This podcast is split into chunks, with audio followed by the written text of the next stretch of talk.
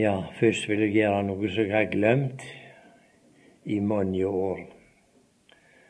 Alltid blitt møtt med en velkomst. Og jeg har ikke kommet på å takke for det. Det har jeg glemt. Men i dag vil jeg takke for alle de gangene. Jeg kommer på Mundus sa den tida han var her og virka.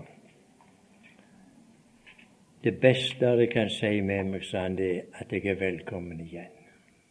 Det er det beste jeg kan si for meg. Og så lenge det er slik med forhold iblant oss at vi kan være velkomne igjen, så gleder vi oss til å samles. For vi har noe å samles om som verden ikke har. Og når vi tenker over det til å leve i denne vonde verden som vi lever, og så kan ha det så godt som vi har det på alle områder, ikke minst på dette, og samles for å høre hva Herren har å tale til oss. I fred og ro. Ja, vi setter oss ned. Vi skal ikke så langt i denne verden, for det er forbundet med straff, det. Å sette seg ned og lytte til livets ord. Hvor må, ikke vi Gud være Gud takknemlige, så har det så godt som vi har det. Kan sette oss ned i fred og ro og ha en plass å samles. Og det er Guds velsignelse, dette her, som Gud har gitt oss. Nå har Gud allerede møtt oss i sitt ord ifra Salmenes bok, og der skal vi fortsatt lese ifra Salmenes bok.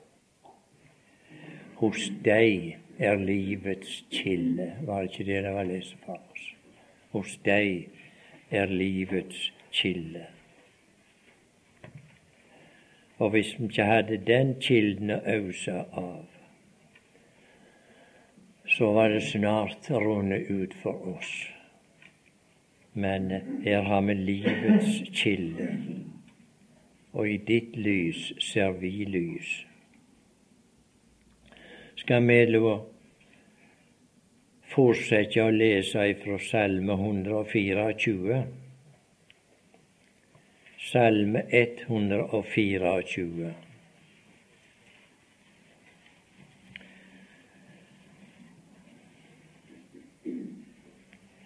Hadde ikke Herren vært med oss, så sier Israel.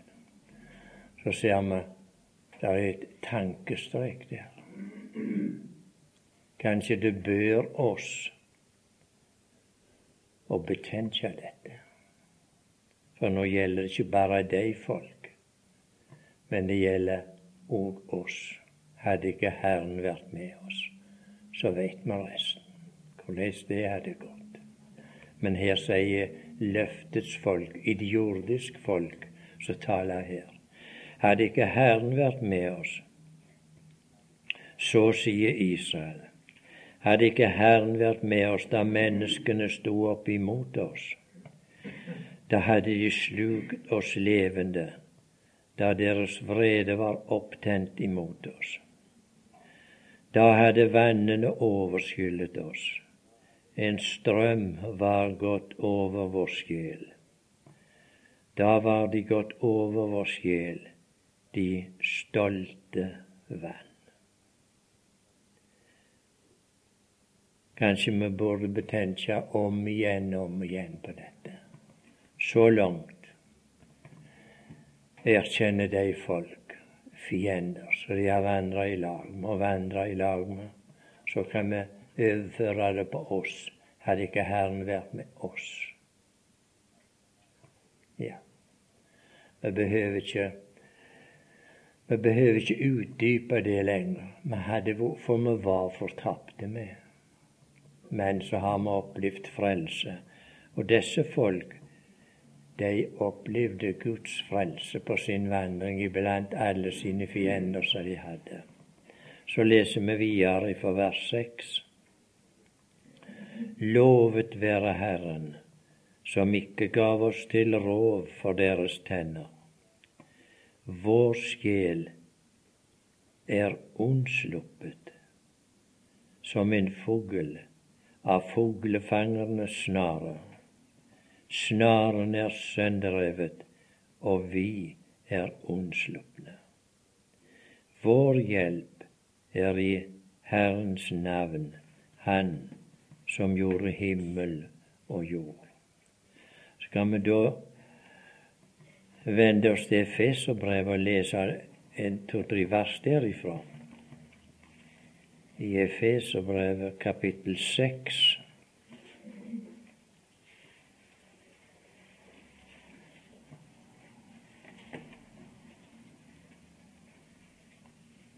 Ja.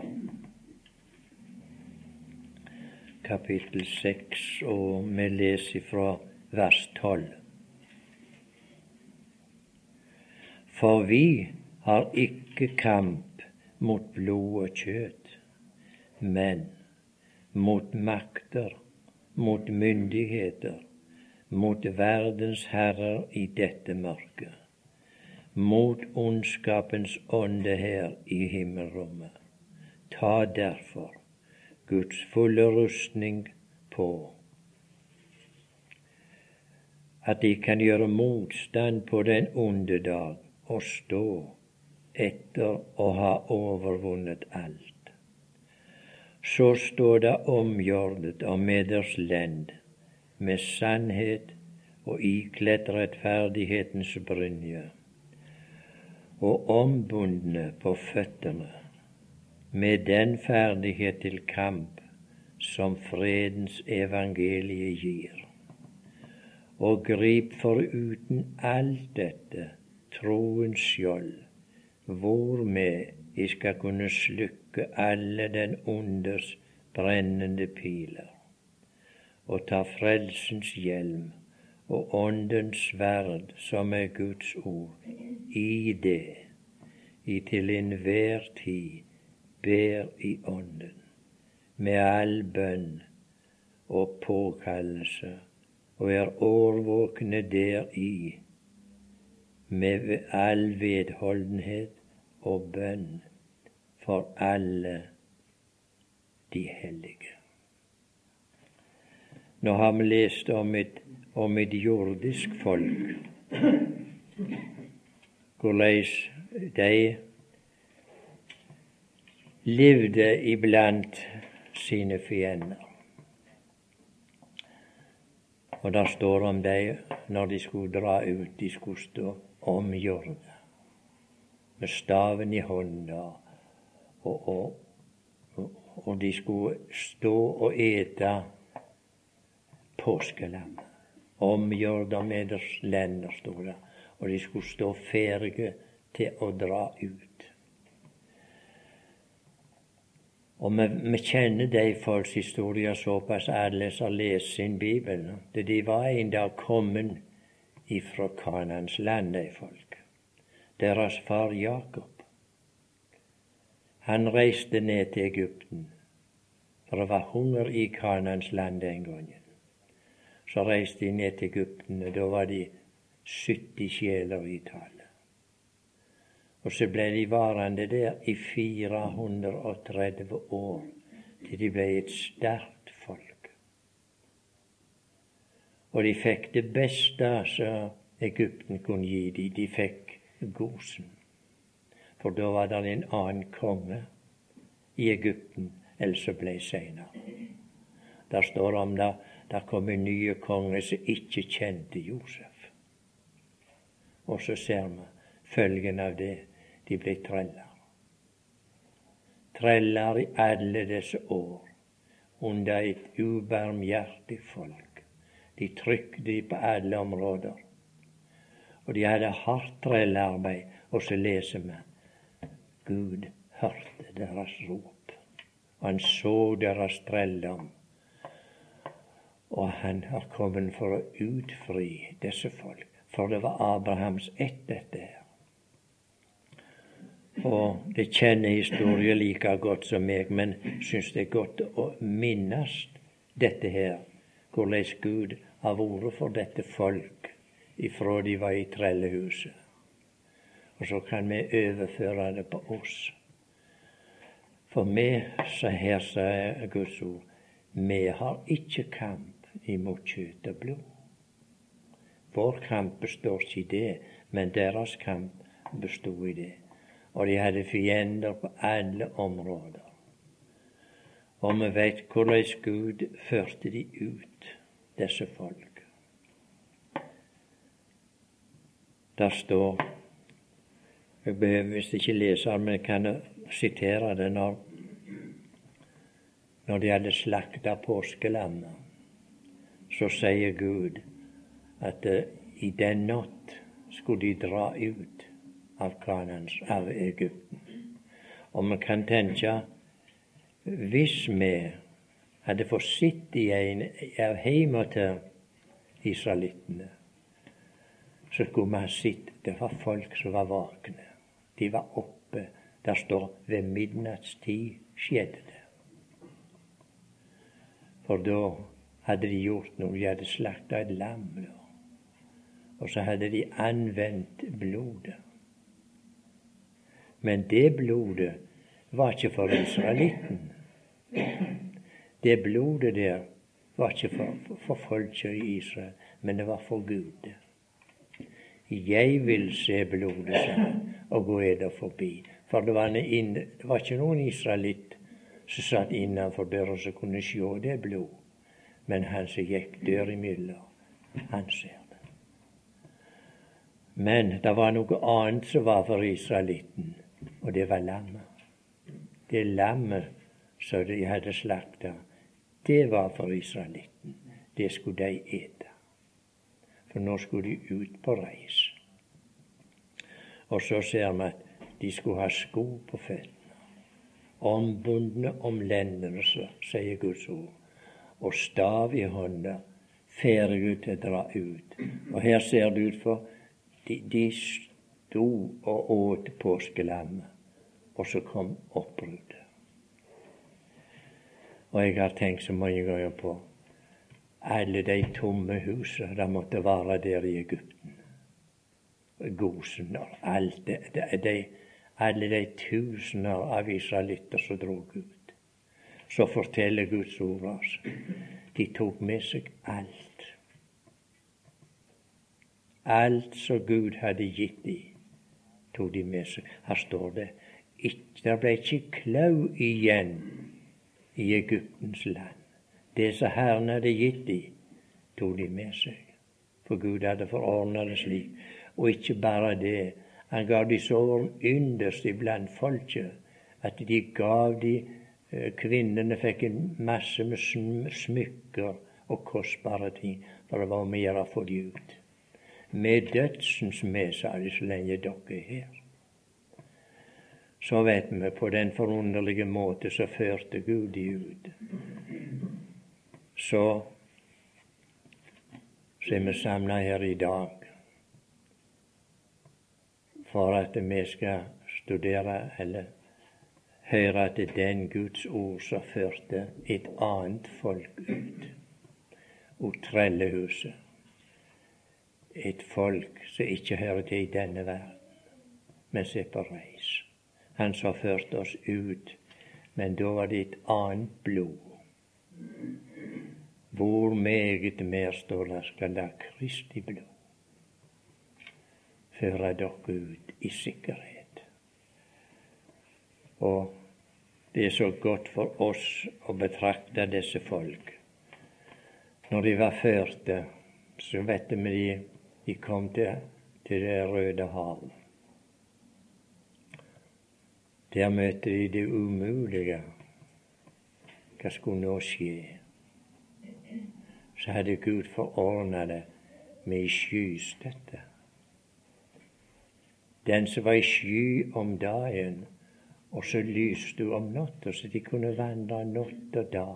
Det var ikke noen vanskelighet. Og når, så fikk de beskjed om at når skystøtten stoppet, så skulle de jo stoppe. Men når skystøtten bevegde seg, så skulle de òg bevege seg. Og så vet vi det kom til et oppbrudd og så åpna havet seg. Så gikk de. Jeg har tenkt så mange Hvis du spurte en israelitt hvor skal det hen?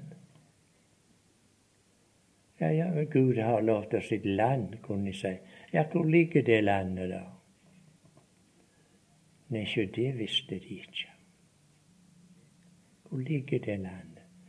Nei, men israelitten ville ha sagt et forunderlig løsningsord til oss. Han ser skystøtten. Han vet veien. Abraham vet vi, han fikk påbud om, eller Gud sa med han skulle dra ut ifra ditt land og ditt folk, for din slekt og for din fars hus. Skal du gå til land, et land som jeg vil vise deg. Og hvis vi hadde spurt Abraham Du, Abraham, vet du veien til det? Nei. Han måtte ha sagt nei, for han visste ikke det. Men han som sa skulle dra ut, han vet veien.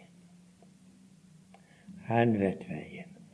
Han som var skystøtten for dem. Han hadde sagt når den beveger seg, så skal dere vandre. Så ser vi i korthet må vi vel si det. Når de var kommet over havet, så lukter det havet seg. Og aldri har noen av oss lest det var en israelitt som gikk tilbake den veien. De hadde med seg alt som Gud hadde gitt dem. Det ble aldri vei tilbake mer. Men vi opplever de folk når vi leser Guds ord, som et gjenstridig folk. Og vi må undre oss på mange ganger har de glemt trelldommen sin i Egypten og alt det. Og du hvor de ropte og skreik der de var piska og de var drevne. Og så var de ikke kommet så langt, for de sa hadde vært bedre om jeg hadde vært tilbake i Egypten, der som var kjøttgryter. Du har ført oss ut, sa de med Moses, for deg. Det var israelitten. Så kan vi tenke hvordan er det med oss på vår vandring? Kjenner vi oss igjen i israelitten? Vi veit israelitten kom aldri tilbake den veien. Men deres hjerter, og du hvor de hang tilbake i trellehuset, der de var der de var trygte, og der de ropte til Gud i sin nød. Så yngste de seg tilbake der. Vi skal ikke kritisere israelitten. Vi skal tenke på hvordan er det oss der. Er våre hjerter henger de igjen i verden? Ja, jeg behøves ikke noen til å svare på det. Vi kjenner til dette her. Og den Gud som gav oss anledning og hjelpte oss ut, som berga alt med oss. Han har med grunn til å opphøye i våre hjerter, for han har bevart oss. For når vi har lest her ifra, ifra Efeserbrevet om vår tilstand på vår vei og vandring. For vi har ikke kamp imot kjøtt og blod, men mot makter, mot myndigheter, mot verdens herrer i dette mørket. Og vi har lest om alle fiendene Israel hadde, men disse fiender. Og det står her at de mørke disse fiendene. Skal vi nevne de opp igjen? Mot makter, mot myndigheter, mot verdens herrer i dette mørket, mot ondskapens ånde her i himmelrommet har vi fiender. Vi skal være så inderlig glad at Gud har gjort det for vi ikke ser det. At vi ikke ser alt dette med fiender vi har. For jeg kommer på Når jeg tenker på det for lenge siden nå var med kvinner som var på et møte. Så talte han om disse ting. Og så var det en etter møtet som spurte. Har ikke du fiender? sa han. Jo, sa McKinnon. Hadde jeg forstått hvor mye fiender jeg har, så hadde jeg gått til himmels på knærne mine, sa Men jeg forstår det ikke. Men her er en som bevarer oss under alle disse omstendigheter og i alle disse farer. Og ser så godt Den hellige ånd har gitt oss oppskrift på før vi drar ut hva vi skal ha til våpen.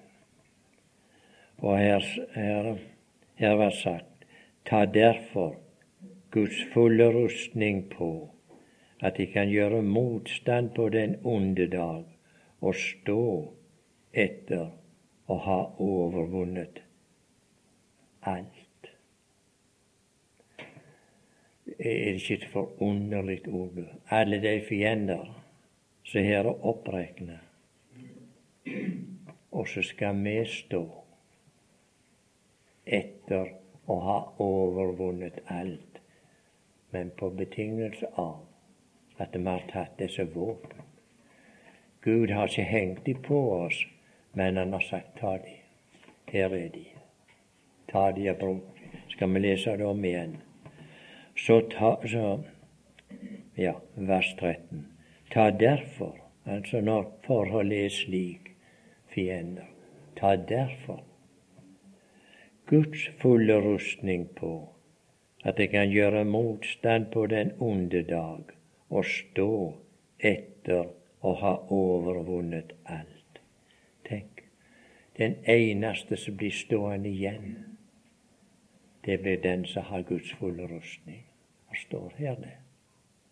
Fiendene er jagde på flukt, men den som hadde Guds fulle rustning på, han blir stående, han står der, etter å ha overvunnet alt.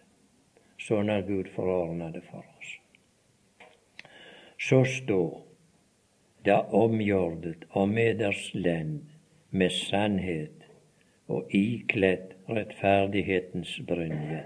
Her har vi et, et motbilde på israelitten. De skulle stå omgjorde Omgjorde og meders lend med sannhet og ikledd rettferdighetens brynje, og ombundne på føttene med ferdighet, den ferdighet til kamp som fredens evangelium gir. Og grep for uten alt dette troens skjold, hvormed jeg skal kunne slukke alle den ondes brennende piler. Alle den ondes brennende piler. Gud har gitt oss sitt skjold, som vi har det. Og her har vi det. Han har foreskrevet oss hvordan vi skal bruke de, de våpnene. Vers 17. Og ta frelsens hjelm og Åndens sverd, som er Guds ord, i det, i til enhver tid ber i Ånden med all bønn og påkallelse, og er årvåkne deri med all vedholdenhet og bønn for alle de hellige. Så når vi tenker tilbake på den salmen vi leser her, den 124.,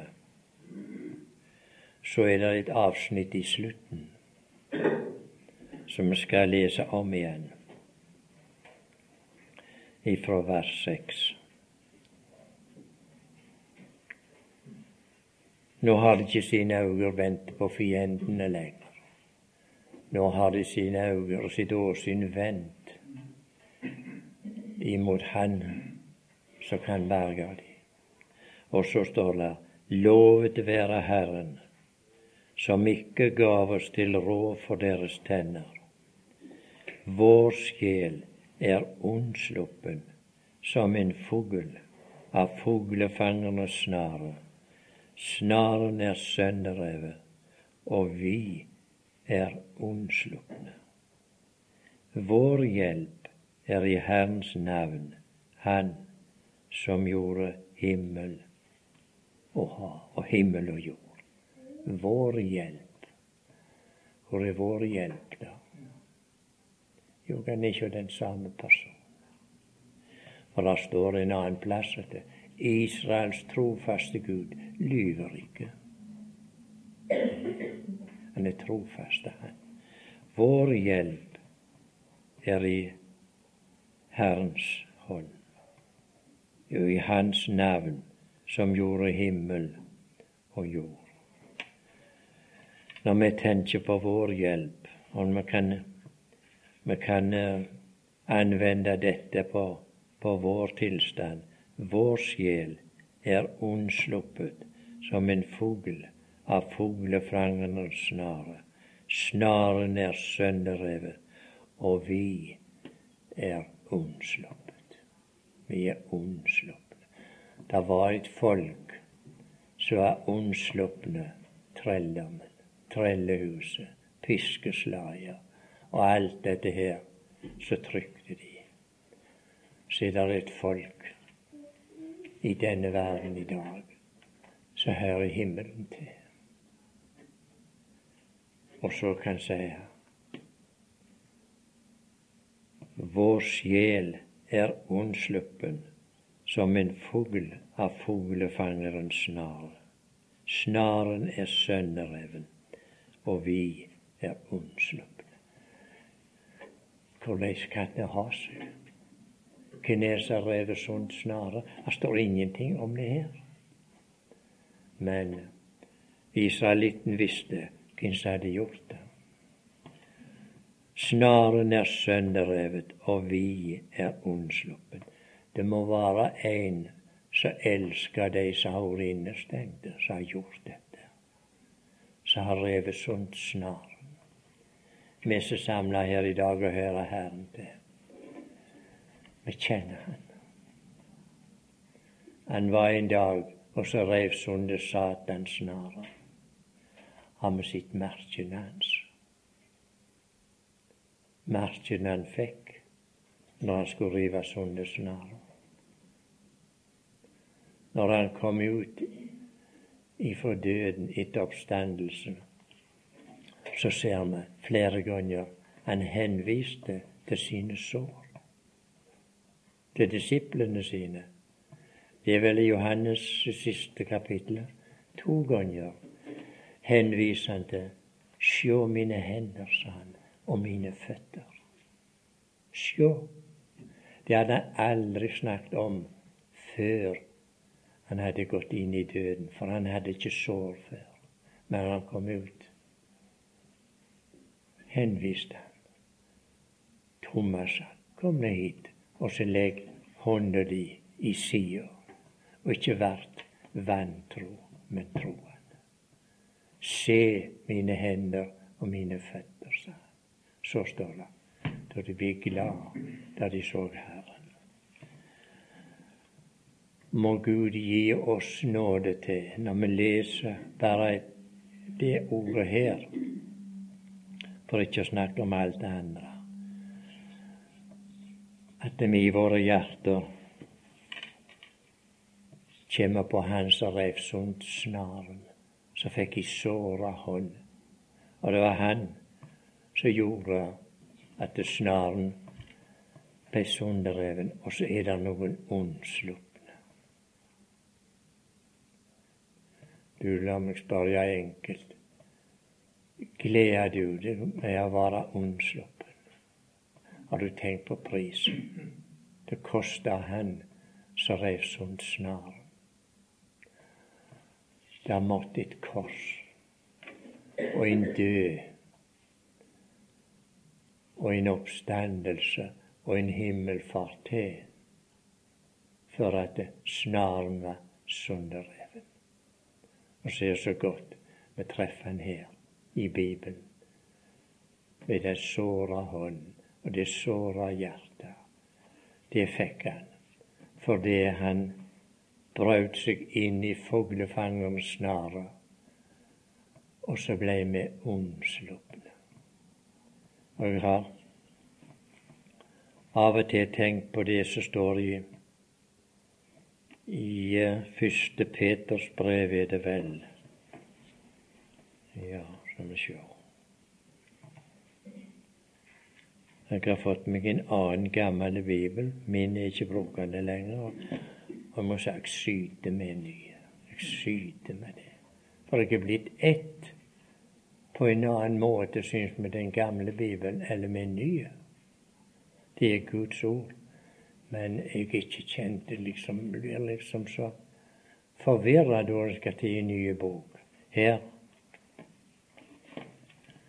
Det gamle McKinnon sin, som sagt, fant den fram en dag, for den er enda bedre enn min er. Og det er så oppbyggelig. Når jeg ser han må ha lest sin bibel mer enn jeg har gjort. Det er noteringer rundt der som merg og der som er kvitt. Og det er så godt å vite at han etterlot seg den bok med det vitnesbyrd at det var hans trøst, hans lys. Og jeg tror det var ei av de gamle jeg så Han var skrevet Jeg vet ikke om jeg kaller det dikt. Min bibel, står det, du min venn så god, som aldri svikter meg. Hvor ofte har jeg i min nød søkt råd og hjelp hos deg. All verdens gull er intet verdt mot denne dyre skatt. Vær du min trøst på livets vei, mitt lys i dødens natt. Det var da skrevet i Bibelen. Du min venn så god, som aldri svikter meg. Den er så verden ler.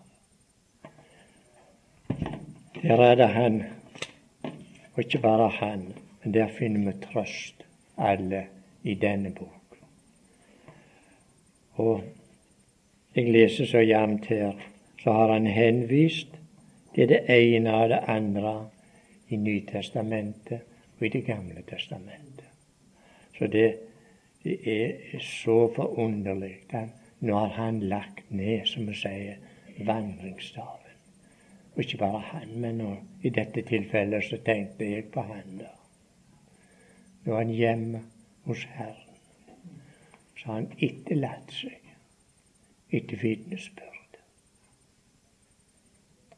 om den Gud som hadde vært trofast imot ham i livet og i død. Men nå er han, han er ikke kommet fram, han eller ennå. Han er på første førsteklasses venteværelse i lag med de andre. Det er ikke noen av våre som er gått bort i troen som er kommet fram ennå. De er ikke kommet lenger fram enn de enn verken Paulus eller Peter eller Jakob og Johannes er. De er samla på én plass. Paulus er ikke kommet lenger, han heller, enn den troende som er gått bort av våre. De er der i venteværelset, i på, påvente av et rop et bydende råp. Det er ingen som har fortrinn her. Da står det vi skal alle forvandles i et nu, i et øyeblikk. Det har ikke vært De er ikke kommet lenger, de heller. Det er så rik trøst for oss når vi leser Det gamle testamentet. De jo der, i påvente. Og når det rop kommer, så blir det en forandring, men ikke før. Og jeg har tenkt og tenker så ofte når vi bærer noen av våre til grava. Så ser vi her i Herrens ord at Herren var i en plass i en by som heter Nain, der kom det et likfølge.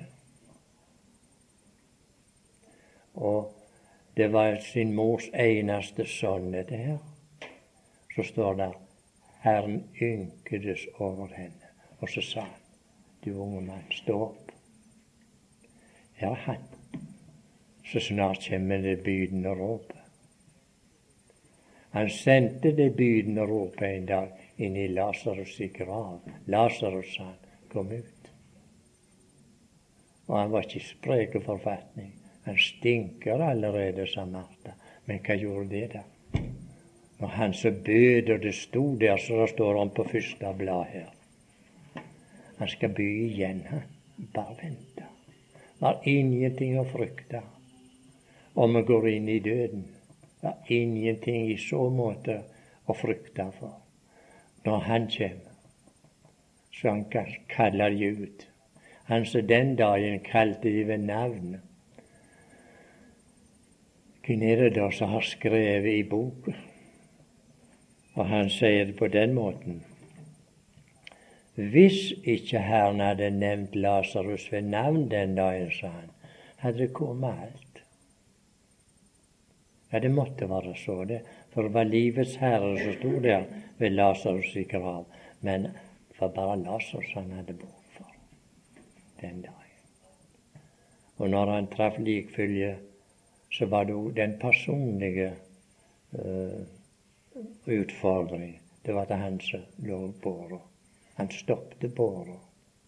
Og vi vet det var en dag ei lita jente òg. Så Herren kalte til livet. Det er så trøstefullt å vite at han skal snart åpenbare seg. Han. Det er bare en liten ventetid, for her står det bare så kort en tid. Så kommer han han som komme skal. Og da, de som har lagt ned i påvente av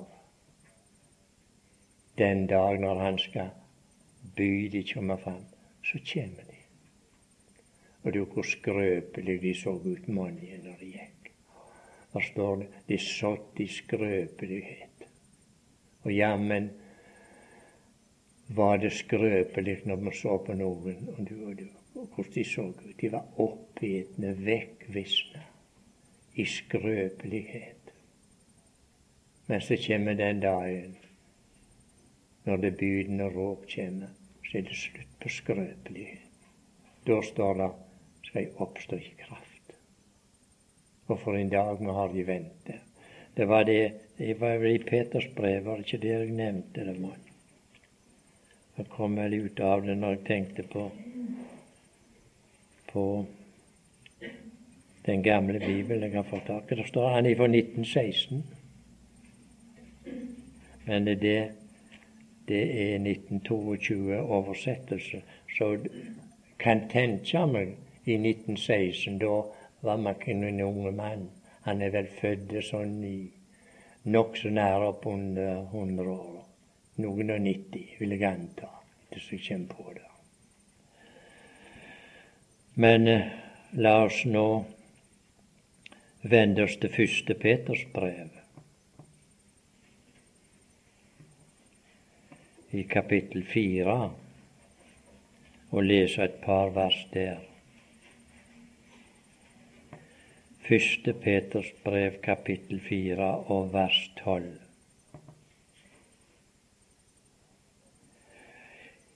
I elskede Undre eder ikke over den ild som kommer over eder til prøvelse, som om det er hendt eder noe underlig. Men i samme mon som jeg har del i Kristi lidelser, skal I glede eder for at I og i Hans herlighets åpenbarelse kan glede eder med jubel. Kan glede eder med jubel. Er det noe som, foregår her i verden? Jubeldagen var ikke kommet ennå. Så så vi behøver ikke tro det at det er noen som har fått jubeldagen sin i denne verden, selv om noen roper høyt om det Kanskje nokså anstrengt halleluja. Ja, ja, de får bare gjøre det. Men her i Guds ord står det vi i Torredalen. Den kjenner vi til, men vi kjenner ikke til jubel i den forstand som her er omtalt. Vi kjenner til jubel i våre hjerter, for vi er frelste. Men her kommer en annen jubeldag, som vi skal alle være delaktige i, som her var sagt. Men i samme mon som vi har del i Kristi lidelser. Og du, det, det forundrer meg lenge. Jeg syns jeg kunne ikke si jeg hadde del i Kristi lidelser. Jeg var ikke utsatt for noen lidelser. Men så kom det for meg, og jeg tror har Guds ords medhold i det går ikke an å være et barn av Gud i denne verden og ikke ha del i Kristi lidelser. Nå har vi vel svært ofte lett for å, å tenke på død og mishandling og blodsutgytelse. Nå vet vi det omfatter det for mange i denne verden. Men man er ikke uten del i Kristi lidelser om man ikke blir eh, delaktig i det der. For det går ikke an å ha fått del i guddommelige natur uten å ha del i Kristi lidelser. For den natur vi har fått ifølge den nye fødsel, den natur, den blir dag og natt. Ja, var det ikke om Lot der står? Nå kommer jeg på det. Du kan sikkert finne det fram sjøl.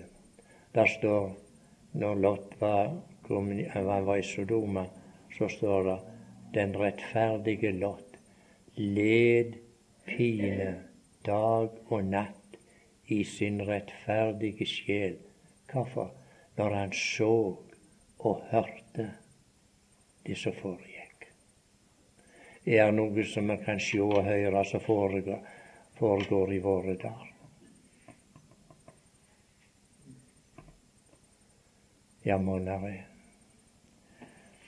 Han led, står det, pine i sin sjel. Den rettferdige Lot, står det. Han led daglig pine i sin sjel på grunn av det han så og hørte. Høyre med noe sin lidelse for vår åndelige natur. Og du verden hvor mye er i dag.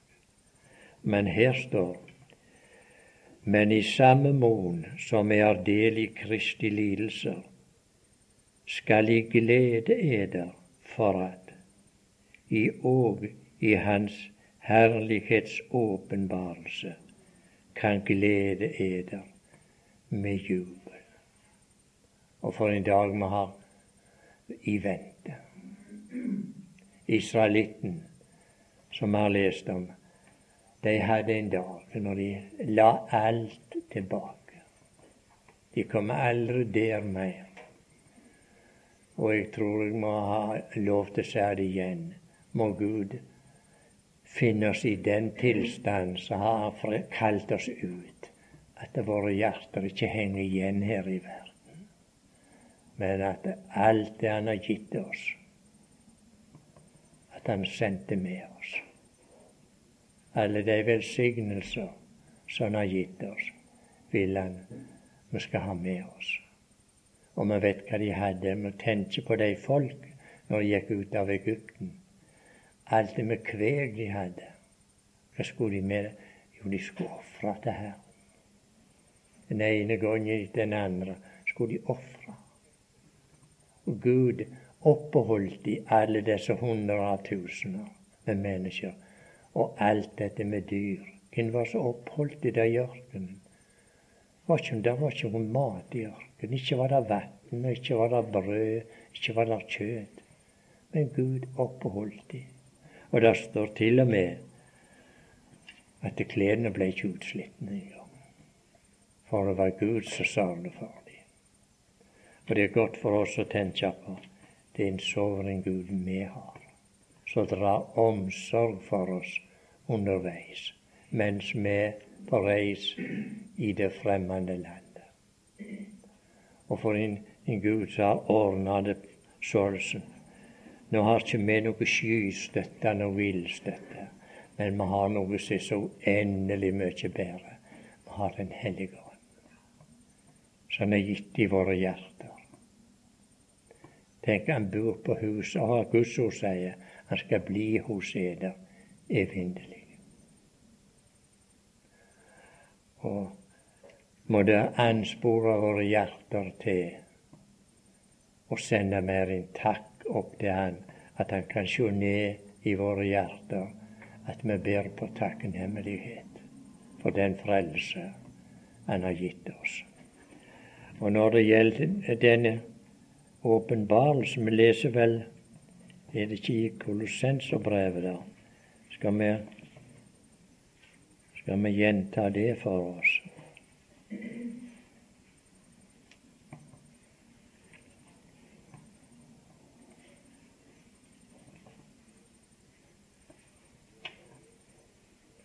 Jeg, leser i går i en betydelig eldre oversettelse når det står i det verset har lest her i Petersbrevet.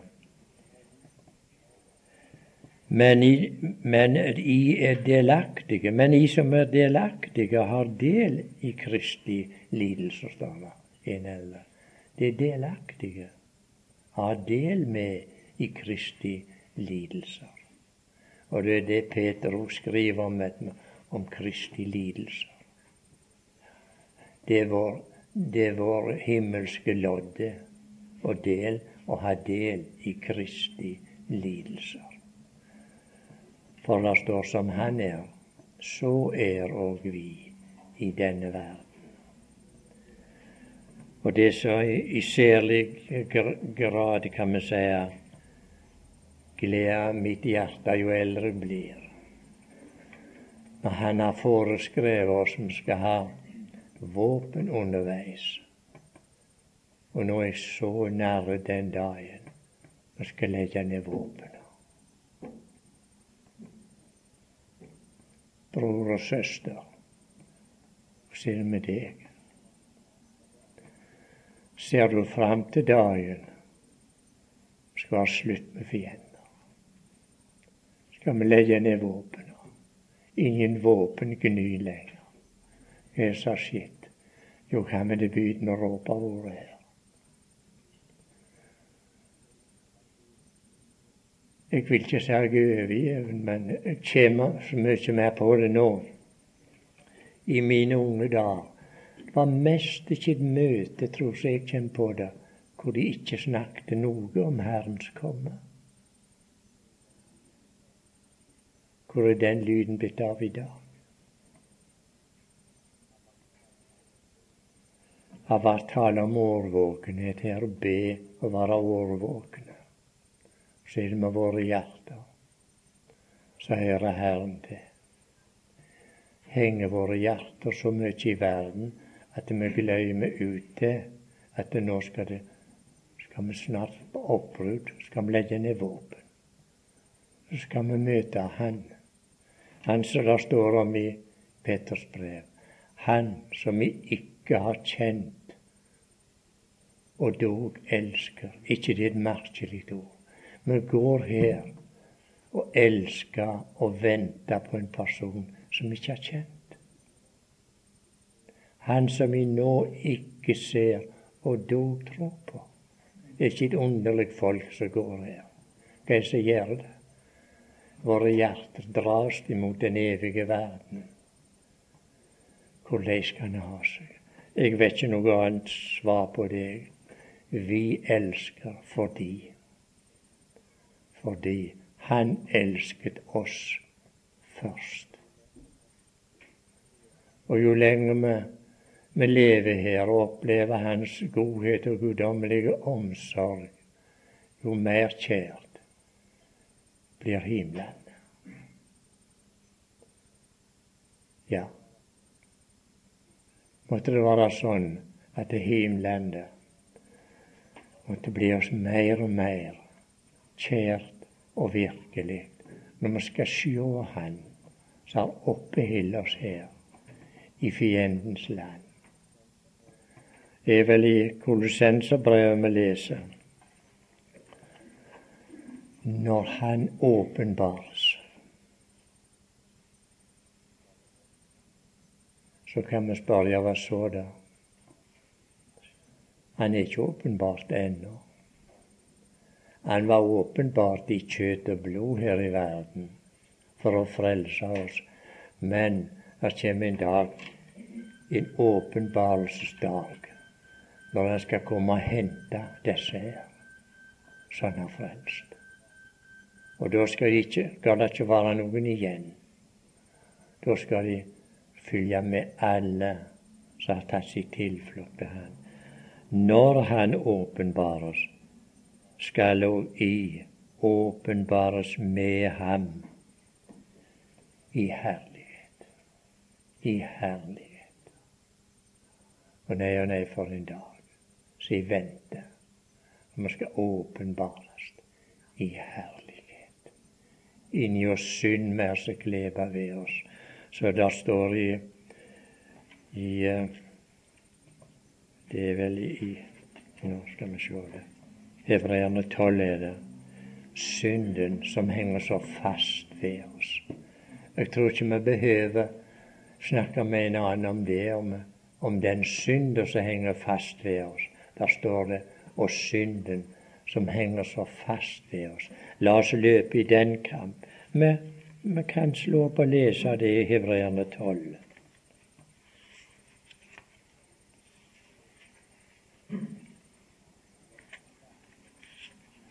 Og det er ikke sagt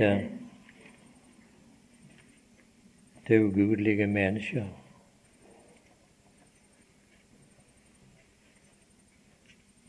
Det er sagt til de som hører Herren til. Hebreerne 12. Derfor la òg oss da vi har så stor en sky av vitner omkring oss. Nå vet vi at eh, Bibelen er ikke oppdelt i kapitler. Det er et kapittel her som går før. Og på grunn av det som vi tenker tilbake på, så sier han derfor La oss da vi har så stor en sky av vitner omkring oss. Det har vi jo lest i kapittel 11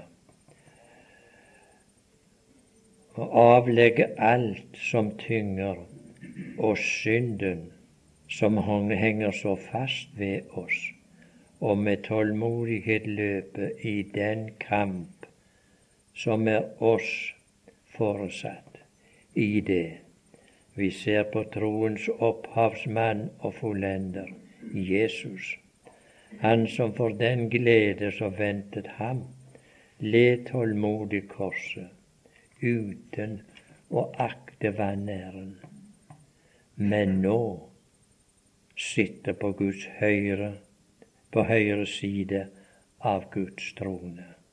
Ja, gi akt på ham som tålmodig har litt en slik motsigelse av syndere, så vi ikke skal gå trett og bli motløse i eders sjeler synden som henger så fast ved oss.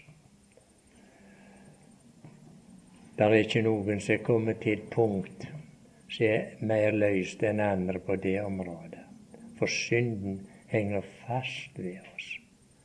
Og da må det være en lykkens dag for oss som kjenner at nå er det ikke noe som heller igjen. Tenk når en gang står der i sangen jeg uten synd skal leve. Hver tanke ren, hver gjerning uten bryst. Når aldri jeg behøver mer og bedre, får muligheten av en syndig lyst. Da er muligheten borte. Synda er ikke fast ved oss. Gud gjør det på den forunderlige måten der mange har tenkt på det og har lyst til å tenke på det om og om igjen. Når Han kommer for å hente oss, de som hører Herren til, så tar han ikke synda bort. Ikke det han skal gjøre, men han løfter oss og sølepytten og så opp. Synden den er fremdeles og vil bli mye frykteligere enn hun har vært før Herren kom. Men han kommer en dag så skal han ta seg av synda òg. Og av sine fiender og av synder men han løfter oss opp. Det er underet som skjer. Vi skal løftes opp i skyer opp i luften for å møte Ham. Og så er det ikke noe mer som holder igjen. Da synden som henger så fast ved oss, da er det, da det bandet slutt. Og kommer så på ei eldre kone her i Det var i Ryfylke har nå vel fortalt det før, men det gjør ikke noe om jeg minner han om det igjen. Hun bodde i ei av bygdene og ei strevsomme kone. Hun hadde levd alene hele sitt liv og ernært seg ved å vaske og stelle. Hun var trofast på møtene. Hun hadde over mil å gå på møter. Hun var alltid så sant som var vær noenlunde, så var hun på møte. Det var en liten forsamling. Så til den forsamlingen så kom der en dag en emissær og hadde møter. Så ble det fortalt han om denne kona. Hun var så tro, tro å gå på møtene og, og var sånn hengiven til Herrens sak. Så sa de med han en dag du skulle gå og besøke henne. Så han hadde hørt så mye fordelaktig om det, så han tenkte jeg må være ei av disse som så ovenpå det at, at, at du har et ser, sersyn på disse guddommelige ting. Men det var det ikke. Hun hadde elska Herren i hele sitt liv. Nå var hun blitt gammel og kunne ikke gå på møter lenger. Så var hun blitt sittende der ensomme. Og vi vet hvor det blir. Hun kan bli skrøpeligere. Og lange vei på møter, så blir plassen tom. Så tenkte han når han gikk, at han skulle undersøke om hun var en av de som var så løst ifra alle verdens ting. Og, og ja, ser, så roper så mye halleluja. Så kom han i samtale med henne, og så hadde de snakket om dette her, om Herren skulle komme. Så ja, nå sitter jeg her, sa hun, og nå venter jeg. Jeg sitter og venter på at Herren skal komme. For nå var hun trøtt av verden. Og så hadde hun den gleda tilbake til levende håpet at nå skulle Herren komme snart. Så ble han litt skeptisk, denne mannen. Ja, ja, sa han, er du nå sikker på at han ikke glemmer deg som bor så avsides, bor så aleine her? Tenk om han skulle glemme det når han kommer. Det blei stillhet, var det han som fortalte. Ikke sa hun noe, og ikke sa ser noe. De er nå ikke like kloke, de heller alltid. Men så, når hun hadde sittet en stund, så sa hun ja, ja, sa hun. Det får bli hans sak, det. Glemmer han meg, så er det han som har det største tapet. Jeg vet ikke hva emissæren trodde, men her fant han levende tro på en levende Gud. Gud gi, det var sånn med oss. At når, når vi kommer der til, enten det er noe skrøpelighet eller hva det er, enn vi står i midt i livsvåren, Herren kommer snart. han. Det er bare så kort en tid, står det. Så kommer Han. Og det står i Korinterbrevet når han, når han hadde utført sitt frelsesverk, så sa han til Sett deg, sa han. Min sønn, sett deg. Og vente inntil jeg får lagt alle dine fiender til skammel for dine føtter. Bare sett deg og vente. Og så ser det ut det er ikke bare vi som venter, det er han som venter. For han er ett med sine, han. De som han spanderte den dyre frelsen på og reiv sundet snaren, så vi blei unnslupne. Og la, la meg få gjenta det, tenk på den dagen, når alle de unnslupne, når de skal møte her, Han som reiv sundet snaren, skal vi kjenne Han på den naglemerka hånda. Det var han som gjorde det. Og da kan vi forstå bakgrunnen for det vi leser i Peters brev. Da er det vår jubeldag. Da skal vi juble. Og da skal vi juble i all evighet. Må Gud i denne kan vi ha lov å si siste vonde tid framfor alt holde oss i nært samfunn med seg, så at vi kan få varme hjerter. For jo nærmere vi kommer hans hjerte, jo nærmere blir våre hjerter, mer blir våre hjerter varme. Det har innbyrdes virkning, dette her.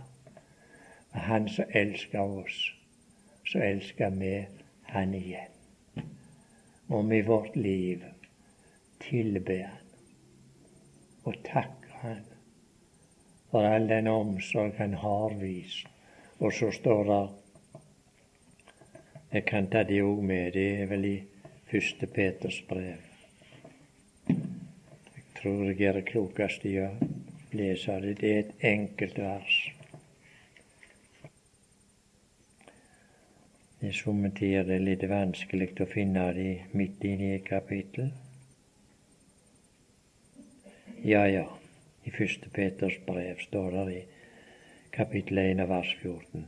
Som lydige barn skal I ikke skikke eder etter de forrige lyster i eders vankundighet, men vær etter Den hellige som kalte eder, også i hellige i all eders ferd, for det skrevet, I skal være hellige, for jeg er hellig. Sånn vil han at båndene sine skal være. I skal være hellige, for jeg er hellig. Til å være hellige, det er ikke til å være plettfrie, det. Aldeles ikke. Vi vandrer i Tåredalen, og vi vandrer Vi vandrer ikke alltid så rett, men han ville vi som lydige barn skal vi ikke skikke oss etter de forrige lyster, men vandre som de som er kalte av Gud. For det kommer en belønningsdag. Og må det stå meg klar for oss. Jeg må det for min del. Må Herrens komme og Kristi domstol stå klar for meg til hver tid. Det skulle ikke være noe ork å leve for det. Aldeles ikke. Tvert imot. Det skulle gi livet mye mer innhold enn det det ofte blir. Vi skal ikke frykte for Kristi domstol. Det er ikke det han har sagt med oss, men det er det han har oppmuntret oss til der, at vi skal ha noe med oss. Han, han skriver ikke um, at de skal få, men kan få. Han oppmuntrer sånn at nå har du anledning til å få noe med deg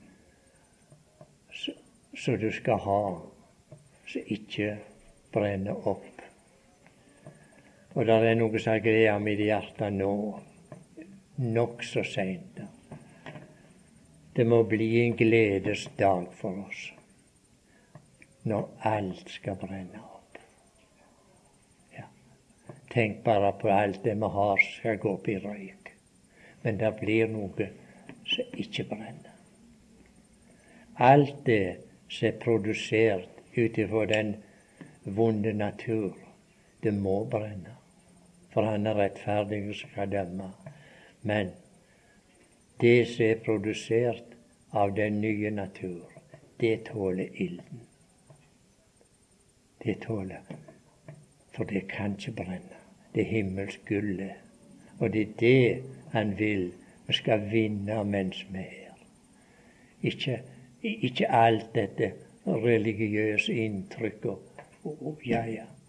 Det er gått så langt, men det står seg bare ikke i dommen. Men Gud vil at vi skal ha noe som hører Han til, og som kan gi Han ære for mens vi er her. Og Gud velsigne oss til at vi mer kunne ha dette for vårt øye, Kristi komme og Kristi domstol.